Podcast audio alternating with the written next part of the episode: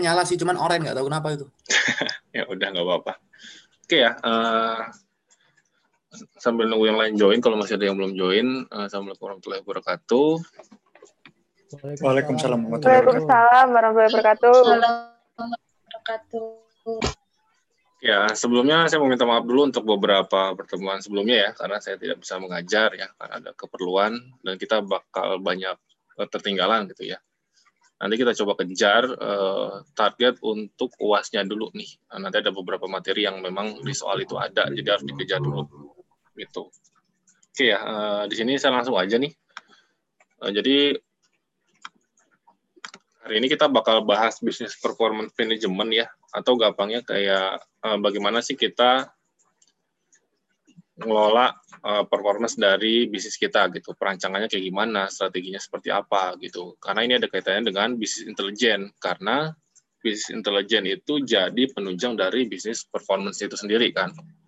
Nah, secara definisi sebenarnya bisnis performance management itu adalah sebuah sistem yang digunakan oleh organisasi atau perusahaan ya untuk mengukur, memonitor dan mengontrol dari performa bisnis itu sendiri gitu. Jadi kalau kita ngomongin bisnis kan pasti bisnis itu harus terukur, harus termonitor gitu ya, harus terkontrol apakah bisnis itu ada growth-nya, ada perkembangannya dan sebagainya gitu.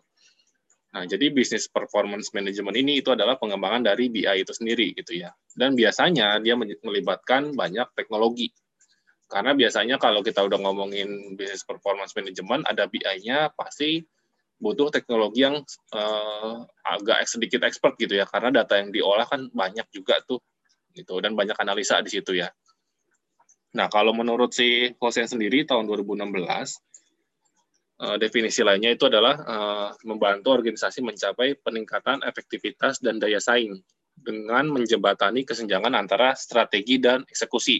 Jadi ada ada kata kunci di situ strategi dan eksekusi. Nah, jadi kalau kita ngomongin strategi dan eksekusi, jadi sebenarnya bisnis performance management ini itu ngarahnya ke planning dari si perusahaan untuk maju dan bagaimana planning itu dijalankan oleh si perusahaan itu, dievaluasi sampai nanti resultnya seperti apa terhadap perusahaan. Jadi siklusnya muter terus seperti itu.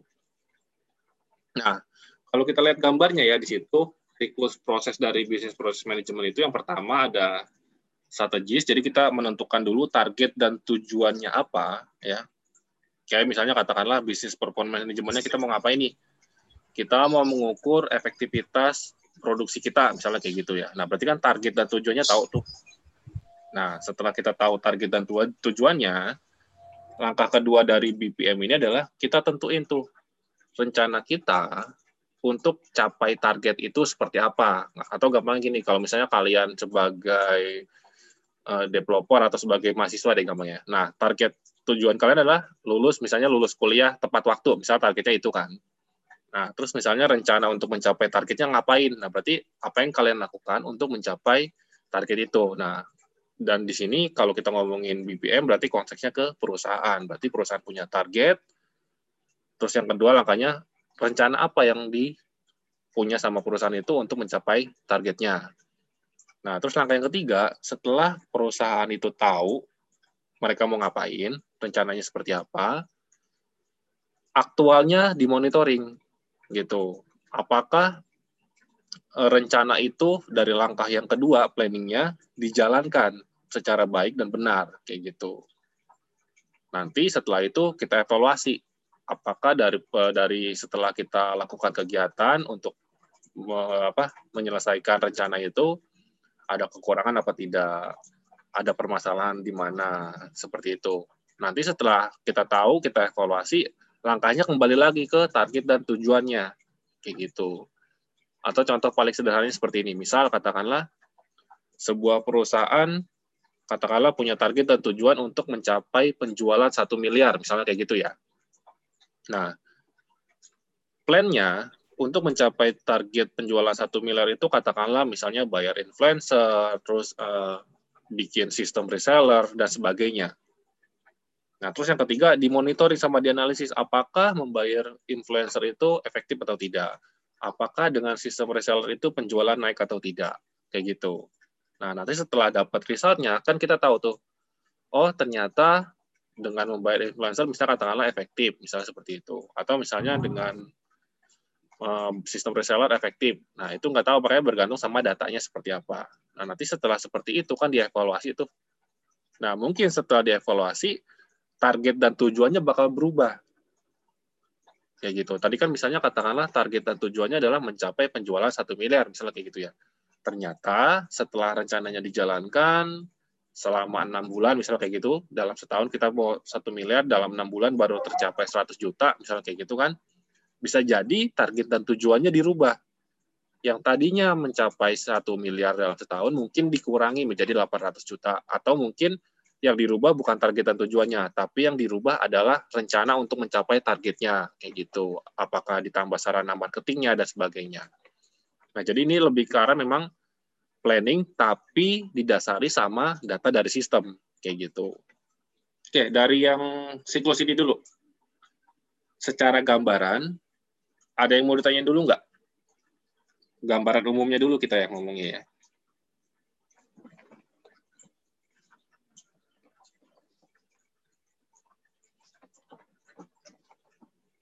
Cukup jelas ya. Eh, oke, selanjut dulu deh. Oke, nah, kita masuk lebih detail lagi ke tadi tuh tahap yang pertama ya, penentuan strateginya. Nah, kalau kita ngomongin strategi kan banyak definisinya gitu ya ini biasanya gampangnya lebih ke arah uh, visi misi di situ, terus tujuannya apa tuh gitu. Nah, terlepas dari perbedaan maknanya, intinya di sini kalau kita ngomongin ke konteksnya perusahaan, ya akan ada pertanyaan gini, uh, ke mana kita ingin pergi di masa depan? Berarti istilahnya adalah bagaimana kondisi perusahaan ini di masa depan, kayak gitu. Eh, kita mau ekspansi ke mana atau kita mau growth-nya seperti apa, kita mau merubah perusahaan kita menjadi seperti apa, kayak gitu. Nah, jadi kalau kita ngomong strategi adalah berarti jawaban dari pertanyaan tadi itu strateginya.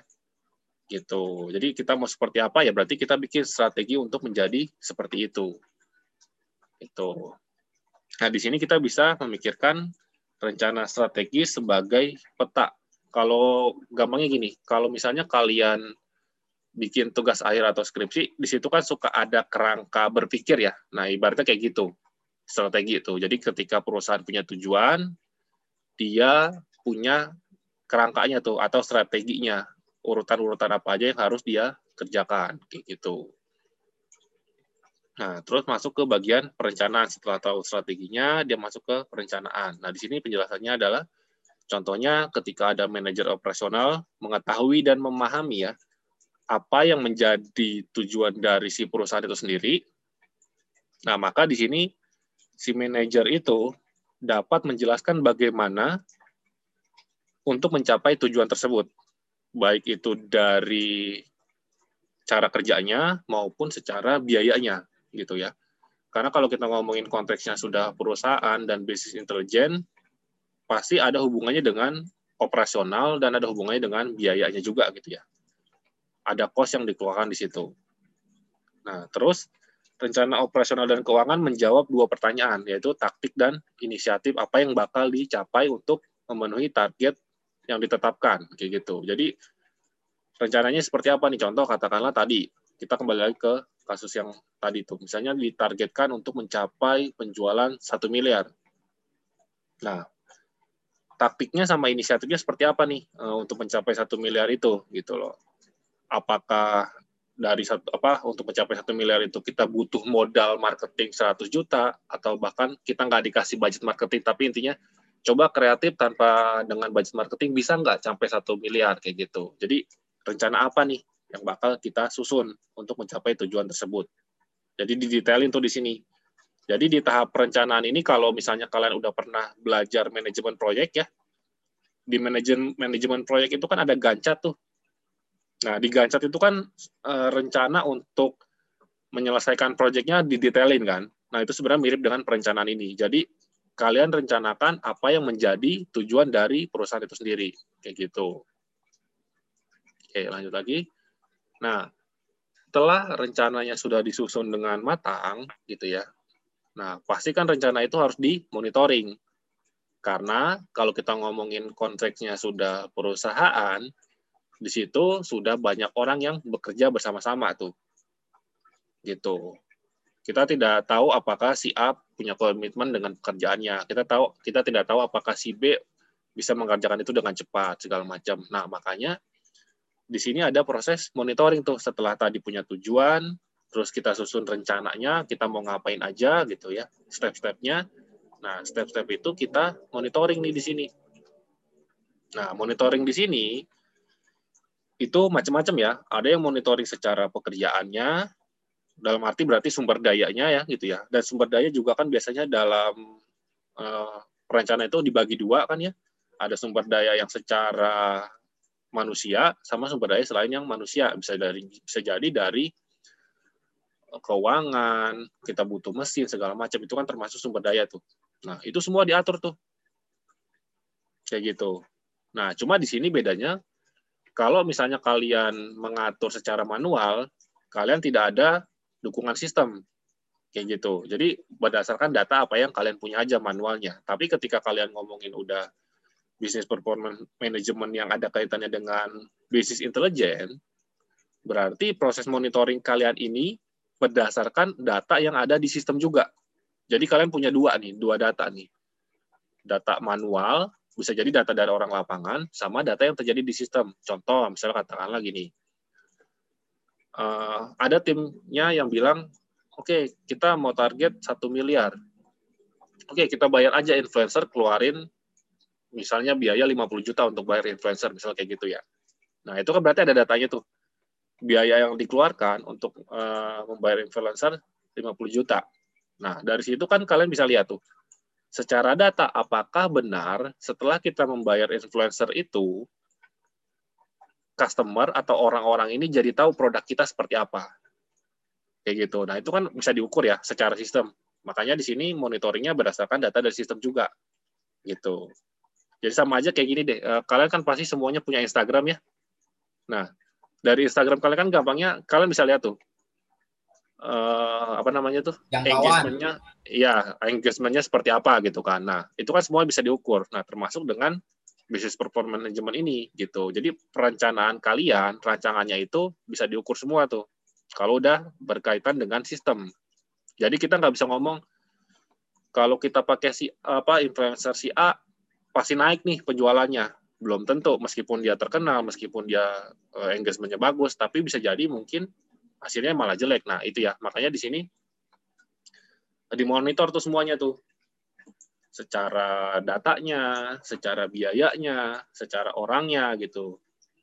Jadi segala hal dimonitor. Terus misalnya katakanlah tadi penjualan dan penjualannya misalnya katakanlah dilakukan di sistem. Katakanlah mungkin dalam bentuk e-commerce gitu. Nah, berarti kan harus ada monitoring juga tuh terhadap sistemnya. Apakah katakanlah mungkin secara influencer bagus nih engagementnya. Setelah diiklanin sama influencer ternyata produk kita banyak yang cari. Nah ternyata setelah dimonitor terus semakin banyak orang yang mencari ternyata servernya tidak kuat. Kayak gitu. Nah berarti kan harus dimonitor juga tuh. Kan percuma ketika servernya tidak kuat berarti kan transaksi tidak bisa dilakukan misalnya kayak gitu. Nah makanya di sini banyak hal yang harus dimonitor kayak gitu Nah, setelah tadi kita monitor plannya segala macam kan detailnya gitu ya, uh, biayanya, operasionalnya, kegiatan yang dilakukan, dampaknya seperti apa secara data. Nah, kita jadi tahu tuh perusahaan ini harus ngapain sih supaya tujuannya itu bisa tetap tercapai gitu dengan hal-hal yang terjadi di lapangan kayak gitu. Jadi di sini sebuah proyek atau sebuah perencanaan gitu ya bisa gagal dalam beberapa cara yang berbeda gitu. Bisa jadi memang karena terlalu sedikit pilihan, maksudnya di sini ada pilihan solusinya gitu ya. Terus eh, gagal mengantisipasi pergerakan pesaing berarti kan dalam arti di sini namanya produk gitu ya pasti ada pesaing dari luar gitu kan terus mengabaikan perubahan dalam lingkungan ekonomi dan sosial maksudnya seperti apa jadi gini kalau dulu kan kita bisa bilang eh, komunikasi terhadap customer ya kalau dulu sekalian masih pakai belanja online gitu ya yang dulu-dulu info-info itu selalu dikirimkan lewat email benar ya gitu itu kan termasuk adaptasi tuh lingkungan ekonomi dan sosial tuh Jadi dulu misalnya katakanlah dikit-dikit pakai email atau mungkin katakanlah dikit-dikit COD segala macam. Nah, sekarang orang-orang cenderung secara perilakunya udah berubah tuh. Mungkin sekarang uh, orang lebih prefer untuk langsung direct message segala macam gitu kan ya. Terus banyak yang dikirim secara orderan. Nah, berarti kan itu perubahan tuh. Nah, itu juga bisa menyebabkan kegagalan tuh dalam mencapai targetnya ketika kita punya perencanaan, tapi kita perencanaannya itu nggak dirubah. Katakanlah mungkin gini, kita laku, apa bikin desain tadi di bagian perencanaan, desain untuk mencapai target satu miliar dalam setahun. Rancangan awalnya adalah kegiatannya A, B, C, dan seterusnya. Ternyata mungkin di, di pertengahan tahun setelah kita berjalan enam bulan dengan rencana itu, ekonomi berubah nih atau gampangnya kayak kondisi kita sekarang deh. Ternyata corona gitu misalnya katakanlah gitu kan Nah, berarti kan secara perencanaan yang sudah dibuat sebelumnya tidak bisa diterapkan sepenuhnya dengan kondisi yang seperti ini. Contoh misal katakanlah tadi 1M kita jualan di mall. Yang awalnya kalian bisa berjualan dari jam 11 pagi sampai jam 10 malam mungkin. Berarti kan kalian bisa atur di situ pendapatan saya bakal sekian dengan jam kerja sekian. Ternyata setelah ada corona jam kerja mallnya berkurang gitu jam mallnya dikurangi. Berarti kan secara perencanaan kalian sudah sudah berbeda tuh seharusnya. Nah, makanya di sini ada aksi dan perbaikan. Setelah kita lihat datanya, nah kita revisi tuh perencanaan kayaknya kita nggak bisa deh kalau cuma lewat jualan di mall misalnya kayak gitu. Kita harus tambah jualan entah lewat apa gitu misalnya kayak gitu. Nah, makanya di sini mengapa penting bagi perusahaan untuk terus memantau hasil, terus menganalisa itu, apa yang udah terjadi kayak gitu supaya segala macam perubahan yang ada resikonya itu bisa diantisipasi gitu untuk memperkecil resiko dari kegagalannya itu sendiri gitu ya. Nah, habis itu kita masuk nih ke bagian gimana sih ngukurnya gitu. Setelah kita udah bikin rencana, kita udah planning, kita perbaiki, terus kita buat rencana lagi, terus ngukurnya gimana gitu ya. Nah, kalau di bisnis itu ada istilahnya business performance management atau gampangnya gini. Kalau kalian sering dengar KPI gitu ya, itu kan ada key performance indicator gitu. Nah, itu adalah termasuk dari business performance management. Cuma nanti apa yang diukur ya tergantung dari subjeknya itu sendiri kayak gitu. Nah, jadi di sini tanpa pengukuran performa yang baik, kita akan kesulitan untuk memonitor performa organisasi sehingga pengambilan keputusan itu menjadi lebih sulit kayak gitu kita nggak punya data kita nggak ada tolak ukurnya ngambil keputusan jadi susah juga nah terus oleh karena itu diperlukan sebuah sistem atau suatu sistem untuk mengatur pengukuran performa yang biasa disebut dengan performance measurement system nah sistem ini tujuannya apa sih untuk membantu manajer mengontrol implementasi dari strategi bisnis. Jadi bisa manajer, bisa manajemen atas ya. Caranya gimana? Jadi dia membandingkan hasil aktual dengan tujuan dan target yang sudah direncanakan. Jadi dibandingin lagi nih.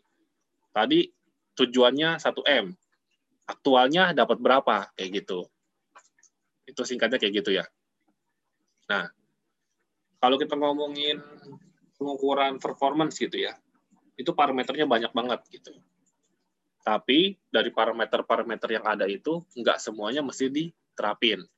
Contohnya, misalnya di situ saya bikin untuk industri restoran cepat saji misalnya. Kecepatan pelayanan menjadi standar ukuran untuk mencapai kesuksesan. Nah, oleh karena itu, biasanya kalau yang restoran cepat saji ini mereka akan fokus untuk melakukan pengukuran pada hal-hal yang berkaitan dengan critical success faktornya. Nah, apa yang menjadi critical success faktornya tuh? yaitu tadi kecepatan pelayanannya. Nah, berarti mereka ukur tuh apa aja yang bisa menyebabkan kecepatan pelayanan ini menjadi lebih baik kayak gitu. Jadi ketika kecepatan pelayanan ini lama kayak gitu ya, kan berarti ah malas nih pesan di sini. Katanya restoran atau fast food gitu ya. Ternyata kok malah lama. Nah, berarti itu jadi critical success faktornya tuh. Apa yang menjadi uh, faktor kritikal di situ. Makanya biasanya kan kalau kayak gitu tellernya banyak gitu ya. apa bagian yang menerima orderannya banyak tuh kalau yang restoran cepat saji. Terus makanya dia atur lagi bagaimana cara penyajian yang lebih cepat. E, makanannya sudah dimasak terus tinggal apa maksudnya tinggal diambil diambil ambil kayak gitu. Nah itu menjadi critical success faktornya. Nah beda lagi misalnya katakanlah dengan kita nih misalnya katakanlah kalian. E, kalian punya tujuan lulus cepat waktu. Nah apa yang menjadi critical success factor dari lulus tepat waktu itu? Nah itu kalian kalian tentukan tuh kalau kita ngomongin ke kasus kalian ya, misalnya katakanlah tidak ada nilai yang remedial, terus misalnya katakanlah paham apa yang mau dibuat di tugas akhir. Nah, berarti kan itu menjadi kritikal sukses faktornya kalian untuk lulus tepat waktu. Kalau misalnya kasusnya di kuliah. Jadi ini sebenarnya implementasinya bisa ke mana-mana, tergantung dari topiknya seperti apa. Nah, tujuannya apa sih? Nah, dengan kita berfokus sama critical success factor ini, kita bisa mencegah sumber daya yang terbuang sia-sia gitu. Karena apa? Ya karena kita tahu faktornya ke mana, fokusnya, berarti kita tahu kita harus alokasi sumber daya ke mana. Ibaratnya seperti ini, misal katakanlah kalian jurusan IT gitu ya, sistem informasi, di mana ya kalian dituntut untuk memahami terkait sistem dan sebagainya gitu kan ya. Berarti kan kalian tahu kalian harus belajar apa. Misalnya katakanlah skripsi kalian diminta untuk membuat sistem. Berarti kan kalian tahu critical success faktornya apa ya? Berarti saya bisa bikin sistem. Nah, apakah kalau kalian e, diwajibkan untuk bisa bikin sistem, kalian belajarnya di luar sistem? Nah, berarti kan nggak ada hubungannya tuh. Contoh, misalnya gini, kalian mau bikin website, gitu. Berarti kan critical success factor untuk bikin website adalah kalian belajar teknisnya. Ternyata setelah berjalan kalian tidak belajar itu. Kalian malah belajar yang lain. Katakanlah misal kalian belajar akuntansi kalian belajar impor ekspor. Nah berarti kan sebenarnya itu tidak ada hubungannya dengan critical success factor kalian lulus tepat waktu di jurusan komputer. Misalnya seperti itu. Nah berarti kan terbuang sia-sia tuh waktunya sebenarnya dalam kasus lulus tepat waktu di jurusan komputer. Nah jadi hal-hal yang kayak gitu kalian kalian singkirkan dulu dari daftar yang harus kalian kerjakan kayak gitu. Oh iya nah, Pak, uh, berarti ya. maaf Pak, berarti kan pengukuran pengukuran ini berarti nggak nggak jauh-jauh dari seperti audit dong ya Pak? Iya, pasti ada auditnya. Kalau kita ngomongin sesuatu yang diukur ya, pasti ada apa yang diukur dan bagaimana cara mengukurnya, kayak gitu.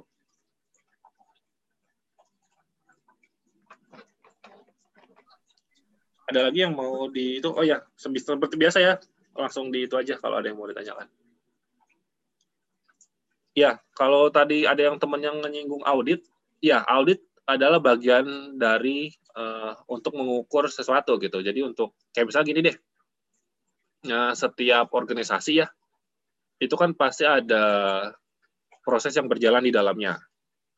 Berarti kan ada tujuan, ada perencanaan, ada monitoringnya kan di situ. Nah, terus ngukurnya seperti apa tuh? Eh, perusahaan itu berjalan dengan benar atau tidak. Nah, makanya tadi uh, audit juga bagian dari pengukuran performa itu sendiri kayak gitu. Karena kan dia mencari nih apa monitoring. Ini sudah benar atau belum. Nah, setelah dia lihat secara audit dilihat tuh oh ternyata banyak ke kejanggalan atau ini sudah benar. Dia kan bikin laporan tuh. Bikin laporan, bikin uh, apa namanya? resultnya seperti apa, dia kasih tahu ini perbaikannya seperti ini, ini sudah baik, ini ditingkatkan lagi. Nah, sama seperti itu sebenarnya.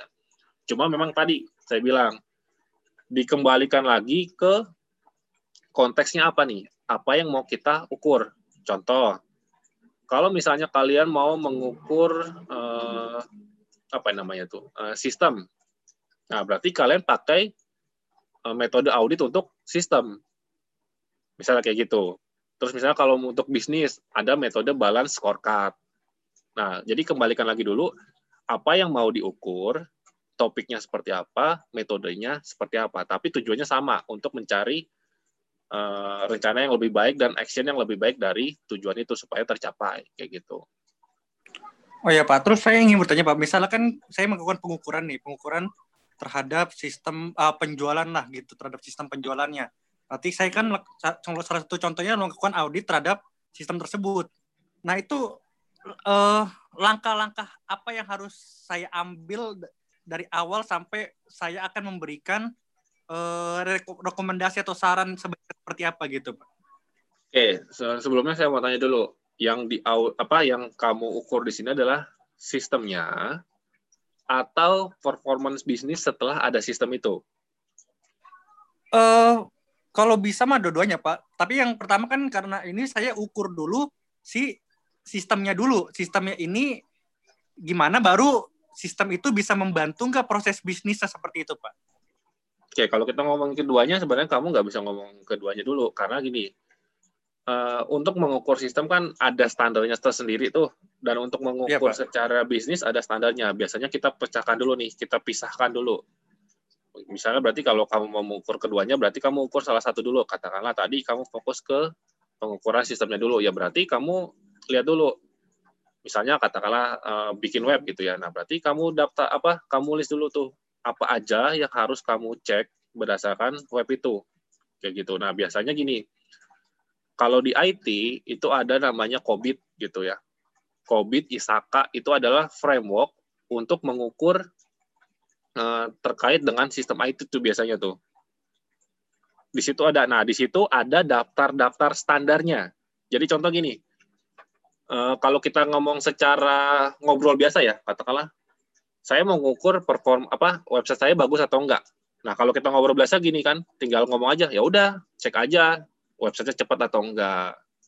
Tampilannya bagus atau enggak. Itu hanya ngobrol biasa tuh. Tapi kalau kita mau standarkan, secara internasional itu sudah ada standarnya. Kalau kalian mau mengukur sistem, ada pertanyaan-pertanyaan yang harus dijawab oleh sistem itu gitu. Nah, kalian nanti coba bisa cari atau kamu bisa cari ada framework namanya COBIT. Nggak tahu saya kalian sudah belajar itu atau belum. Jadi, ada COBIT, ada ISAKA gitu ya. Nah, di COBIT itu ada domain-domain apa aja yang harus kalian cek ketika kalian berhubungan dengan sistem.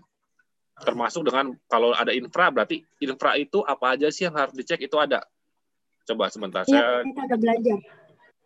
Bayar saya browsing dulu deh. Harusnya sih, soalnya saya udah lama nggak buka itu tuh COVID. Nah, gitu. Biasanya kalau dari sistem ada tuh COVID. Nah, jadi nanti tinggal kalian sesuaikan. Sistem kalian itu masuk kategori COVID yang golongan yang mana. Karena di COVID sendiri itu ada domainnya tuh. Nah, COVID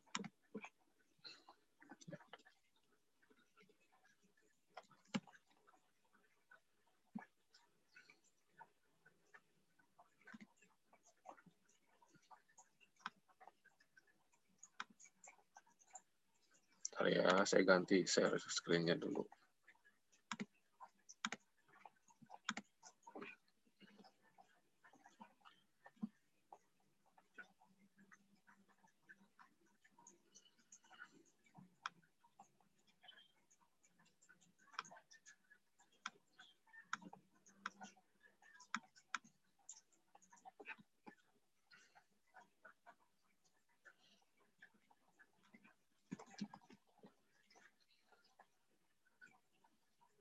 Kalau gambarnya kecil-kecil nih, saya dulu. Jadi kalau kita ngomongin pengukuran ya itu ada ada standarnya kalau di IT itu. Jadi kalau kalian angkat ini sebagai tugas akhir atau skripsi sebenarnya bisa, cuma tinggal eh, bagi apa namanya tuh domain apa yang mau kalian ambil gitu. Eh, ini saya nih.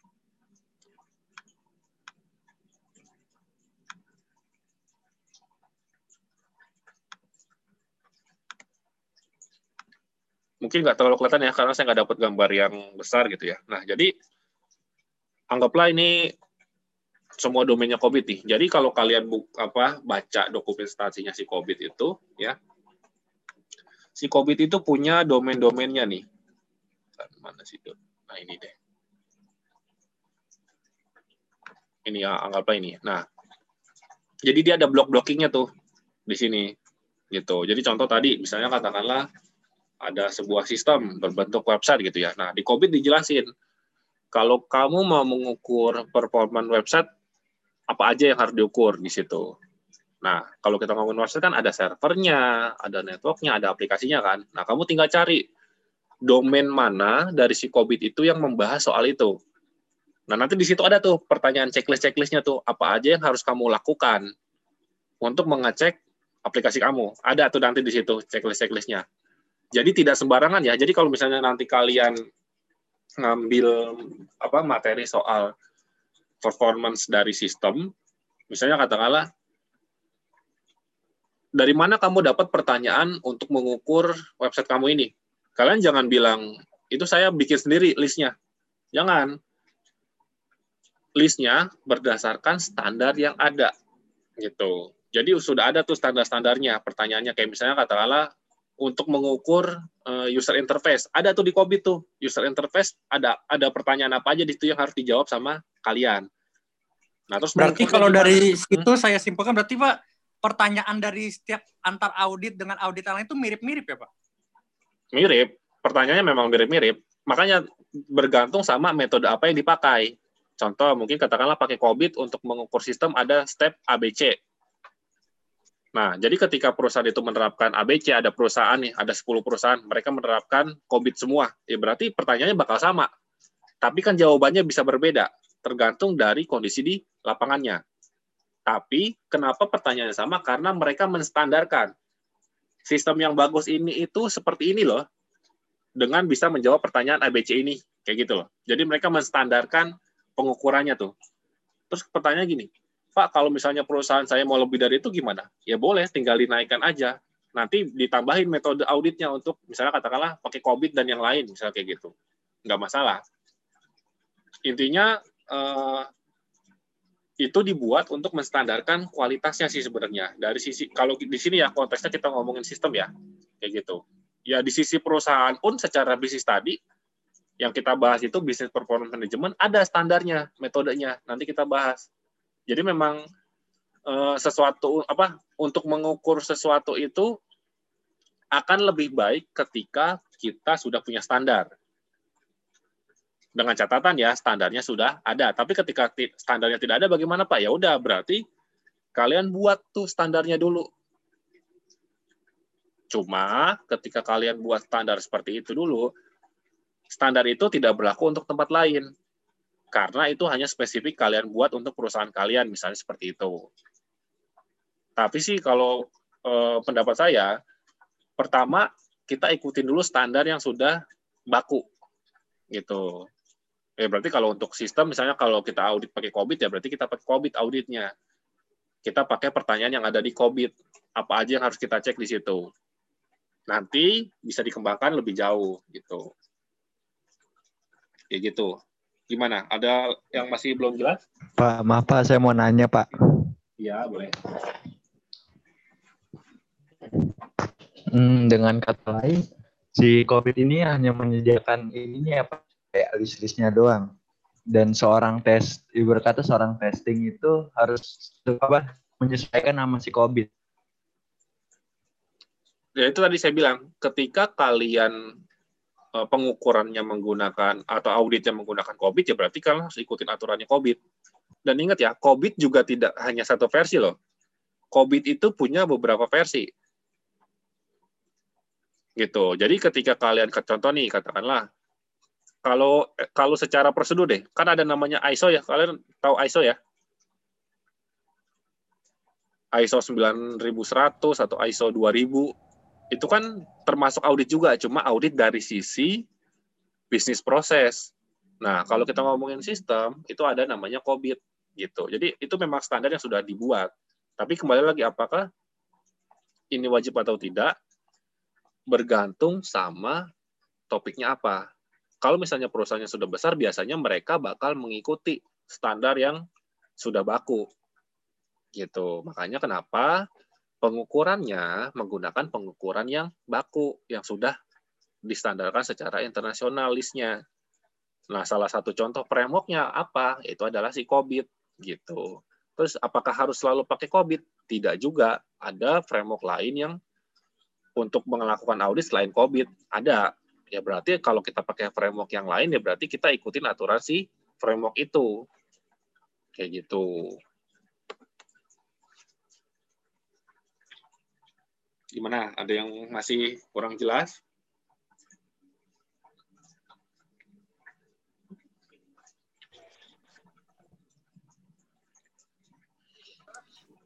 Lanjut lupa saya masih Ya. mencari Kembali lagi. ke materi dulu ya. Mau Nanya, boleh Pak? Boleh, boleh. Nah yang standar framework itu kalau sama bootstrap ada hubungannya nggak Pak? Kalau Bootstrap itu sebenarnya bukan bukan framework untuk audit ya. Bootstrap itu adalah kerangka kerja yang dibuat untuk mempercepat pekerjaan. Beda konteksnya kalau itu. Oh, Kalau Bootstrap itu lebih ke arah tools. Tools untuk mempercepat pekerjaan. Ibaratnya kayak gini. Eh, kalau kamu mau pergi ke kampus nih, jalan kaki sama naik motor, lebih cepat mana? Lebih cepat Naik naik motor, motor, contohnya. Nah, Bootstrap itu adalah lebih mirip ke motornya itu. Gitu. Jadi kita Medianya bisa ya gitu, Pak. Iya, lebih ke arah untuk mempercepat pekerjaan kita aja. Jadi itu bukan untuk audit. Karena secara bootstrap itu dia tidak ada eh, apa ya namanya? sesuatu yang mengukur komponen website. Contoh misalnya kata gini, website kamu tidak bisa dikatakan jelek ketika kamu tidak pakai bootstrap. Website kamu tidak bisa dikatakan bagus ketika kamu pakai bootstrap. Nah, tapi ketika kamu pakai ada contoh tadi nih, Cobit di Cobit itu ada komponen untuk eh, user interface. Nah, webs- website kamu bisa dikatakan user interface-nya bagus ketika memenuhi standar Cobit, ketika memang auditnya menggunakan Cobit. Gitu. Jadi ibaratnya kayak ada patokannya, gampangnya gini. Kalian dinyatakan lulus ketika nilai kalian tidak D. Nah, berarti aturan itu yang harus kalian penuhi. Nah, aturan itu ada di Cobit kalau untuk sistem kayak gitu biasanya ada rentan nilainya tuh pakai skala skala apa ya lupa 1 sampai 5 atau 1 sampai 10 bisa ada skalanya. Contoh, apakah eh, tampilan aplikasi kalian apa namanya gimana ya? mudah Nyam- digunakan mata oleh gitu. ya nyaman di mata atau mudah digunakan oleh user. Nanti ada tuh pengukurannya. Misalnya katakanlah kalian pakai metode kuesioner dengan pertanyaan dari Kobit ya. Nah, jadi ada daftar pertanyaan dari Kobit, kalian kasih ke usernya. Nanti usernya nggak ngisi tuh. Katakanlah dari 100 user ngisi tampilannya 7 gitu. Nah, tinggal kalian hitung 7 itu masuk kategori Kobit itu bagus atau jelek. Kayak gitu. Jadi ada ada sesuatu yang diukur dan ada standarnya. Kayak gitu. Oke ya, kalau tadi Bootstrap sekali lagi Bootstrap itu tools untuk mempercepat pekerjaan, tidak ada hubungannya dengan untuk mengukur performance gitu. Beda beda itu ya, beda hal ya. ya Pak. Oke, saya lanjut dulu nih. Nah, ini terus kita ngomongin kalau kita ngomongin performance itu ada namanya KPI gitu ya. Jadi kalian kalian juga pasti udah sering ketemu ya kalau yang di kantor ya KPI dan KPI ini bisa macam-macam bentuknya tergantung dari konteksnya. Kayak tadi KPI untuk sales ya berarti hal-hal yang berkaitan dengan sales apa yang menjadi performance indikatornya penjualan bagus apa customer puas kayak gitu. Nah kalau misalnya KPI kalian sebagai mahasiswa berarti adalah lulus tepat waktu nilai tidak ada yang remedial. Nah kayak gitu ya. Nah tujuannya apa sih gitu ya? Jadi KPI itu adalah untuk mewujudkan tujuan dari perusahaan. Terus kenapa ditaruhin KPI ya karena supaya ada sesuatu yang bisa diukur gitu. Jadi target dan tujuannya dan strateginya jelas. Kayak gitu. Lanjut ya. Nah, kalau kita ngomongin KPI, biasanya ada waktunya juga tuh ya. Sama aja kayak kalian project management. Di situ ada targetnya, kapan itu dimulai, kapan itu harus diselesaikan gitu. Jadi sasarannya tuh diberi kerangka waktu yang harus diselesaikan. Atau dibilang gampangnya adalah ada timeline-nya, ada ada milestone-nya di situ ya. Kayak gitu. Terus targetnya itu diukur berdasarkan baseline atau benchmark. Maksudnya apa? Ada standarnya tuh. Kayak tadi, contohnya kalau bisa kalian ukur pakai Cobit, Cobit punya standar, kalian lempar ke user untuk mengukur apakah hasil itu sesuai dengan standarnya si Cobit. Kayak gitu. Jadi kita bisa contohnya gini. Kita bisa bilang website kita jelek itu ketika katakanlah di bawah standarnya COVID. Ketika kita pakai audit metodenya sih COVID. Kayak gitu. Tapi ketika kalian tanya personal, contoh misalnya katakanlah gini. Saya tanya teman saya katanya website saya bagus, Pak. Misalnya kayak gitu ya. Itu kan tolak ukurnya nggak jelas tuh. Definisi bagus menurut teman kita ini seperti apa? Kayak gitu. Nah, tapi ketika kita pakai sesuatu yang baku, definisi bagusnya itu jelas. Tertulis gitu. Sama kayak tadi kalian. Definisi kalian lulus adalah ketika kalian memiliki nilai di atas D. Bener ya? Itu kan tertulisnya jelas tuh. Kalian nggak bisa bilang, oh saya nilainya D tapi lulus pak. Dasarnya dari mana? Nah, kayak gitu. Jadi yang kayak gitu-gitu harus diperjelas tuh makanya kenapa biasanya dipakai sesuatu yang punya standar gitu. Nah, misalnya contoh gini. Kita mau uh, mengilustrasikan kenapa kita perlu standar untuk mengukur gitu ya. Yang jadi contoh di sini ada sebuah perusahaan dia survei terhadap 1000 pelanggan. Jadi dia mau tahu nih seberapa besar kita merekomendasikan produk perusahaan itu kepada teman kita. Kayak gitu. Nah, berarti kan dia ada nih. Yang mau dia ukur itu adalah seberapa besar orang itu merekomendasikan produknya dia gitu kan ya. Nah, di sini dia dia kasih range nih angkanya pakai skala 1 sampai 10 untuk nilainya. 0 untuk tidak sama sekali, 5 untuk netral, dan 10 untuk kemungkinan besar dia direkomendasikan. Nah, jadi kasusnya gini. Sekali lagi saya ulang ya, jadi ada perusahaan, dia mau survei ke 1000 orang, dia mau tahu produknya dia itu bakal direkomendasiin nggak ke temannya, ke temannya dari si respondennya ya, dengan pakai skala, kayak gitu. Nah, ini contohnya skalanya kayak gitu. Jadi di, dengan pakai skala 1 sampai 10, berarti kan ini ada standarnya nih. Penilaiannya adalah 1 sampai 10 untuk beberapa pertanyaan misalnya kayak gitu ya. Nah, di sini ada ada tolak ukurnya tuh. Range-nya ada, apa aja yang harus dinilai gitu. Jadi di situ dia ukur. Jadi ada ada daftarnya di situ ya, nilai 1 sampai 10. Di situ ada promotor, berarti ada yang nilainya dikasih 9 sampai 10, berarti dari 1000 customer tadi ada yang ngasih nilai 9 sampai 10. Nah, ini kata, mereka kategoriin tuh itu termasuk promotor berarti itu adalah orang-orang yang setia untuk membeli barang mereka dan dia biasanya ngerekomendasiin ke temennya. Eh beli barang ini nih bagus, gue udah pernah pakai misalnya kayak gitu. Terus ada juga yang kategorinya pencela, jadi ibaratnya kayak cuma komplain aja beli tapi dipakai barangnya, tapi dibilang ah, barang ini mah jelek. Tapi karena murah misalnya dibeli kayak gitu. Nah, jadi diukur nih dari seribu orang itu statistik datanya nanti dapatnya berapa. Nah, yang sebelah sini itu adalah datanya ya. Jadi ada 300 orang yang ngasih nilai 10, berarti 300 orang ini mereka berpikir mereka akan merekomendasikan produk itu. Jadi ini tinggal di rata-rata aja, ditotalin, terus dibagi gitu. Jadi setelah ditotal dengan rumusnya, nah rumus ini ini khusus untuk kasus ini ya. Jadi dia tidak pakai standar. Jadi ini hanya contoh saja. Tapi ketika kalian pakai framework tertentu, framework itu punya rumus sendiri. Kayak gitu. Nah, kalian harus ikutin rumusnya itu. Nah, kalau dari kasus sederhana ini setelah dihitung, di rata-rata dia dapat nih ternyata nilainya 68%. Kemungkinannya barang itu bakal direkomendasikan ke orang lain. Nah, ini kan tolak ukurnya ada tuh ya ada tolak ukurnya nilainya 1 sampai 10. Siapa yang mengukur berarti adalah katakanlah di sini ada 1000 pelanggannya itu. Pengukurannya seperti apa? Nah, pengukurannya adalah dengan rumus persen pelanggan promotor dikurangi dengan persentase pelanggan pencela. Berarti kan rumusnya dia sudah buat. Berarti ada tolak ukurnya. Gitu.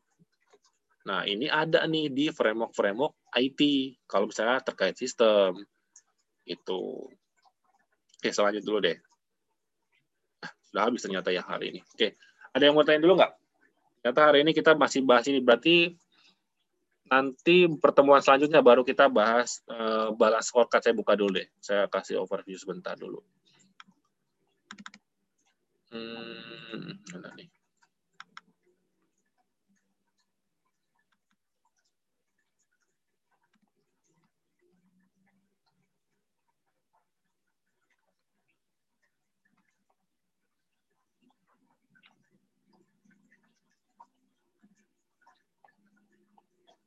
Oke ya, untuk materi hari ini itu yang kita masih bahas teorinya tadi. Uh, saya coba kasih tahu dulu sebentar sedikit yang bakal kita bahas berikutnya nanti. Nah, oke. Okay. Jadi nanti di pertemuan berikutnya, tadi kan kita bahas uh, teorinya dulu. Nah, nanti di pertemuan berikutnya kita bakal bahas soal balance scorecard nih. Nah, balance scorecard ini itu mirip dengan COVID konteksnya ya, tapi kita tidak bisa bilang itu mirip persis. Tergantung kasusnya. Kalau tadi kan COVID untuk mengaudit, nah kalau balas scorecard untuk mengukur performance dari bisnis, ya. Karena kan kita tadi bahasnya soal bisnis performance management. Bagaimana kita mengukur bisnis itu sehat atau tidak, bisnis itu bagus atau tidak. Nah, itu ada istilahnya tuh, balance scorecard. Nanti kalian bisa cari. Balance scorecard itu adalah standar internasional. Mirip kayak COVID tadi, kayak gitu. Jadi nanti ini kita bahas di pertemuan selanjutnya nih. Kita bahas lebih detail. Oke. Sampai di sini. Ada yang mau tanya dulu nggak?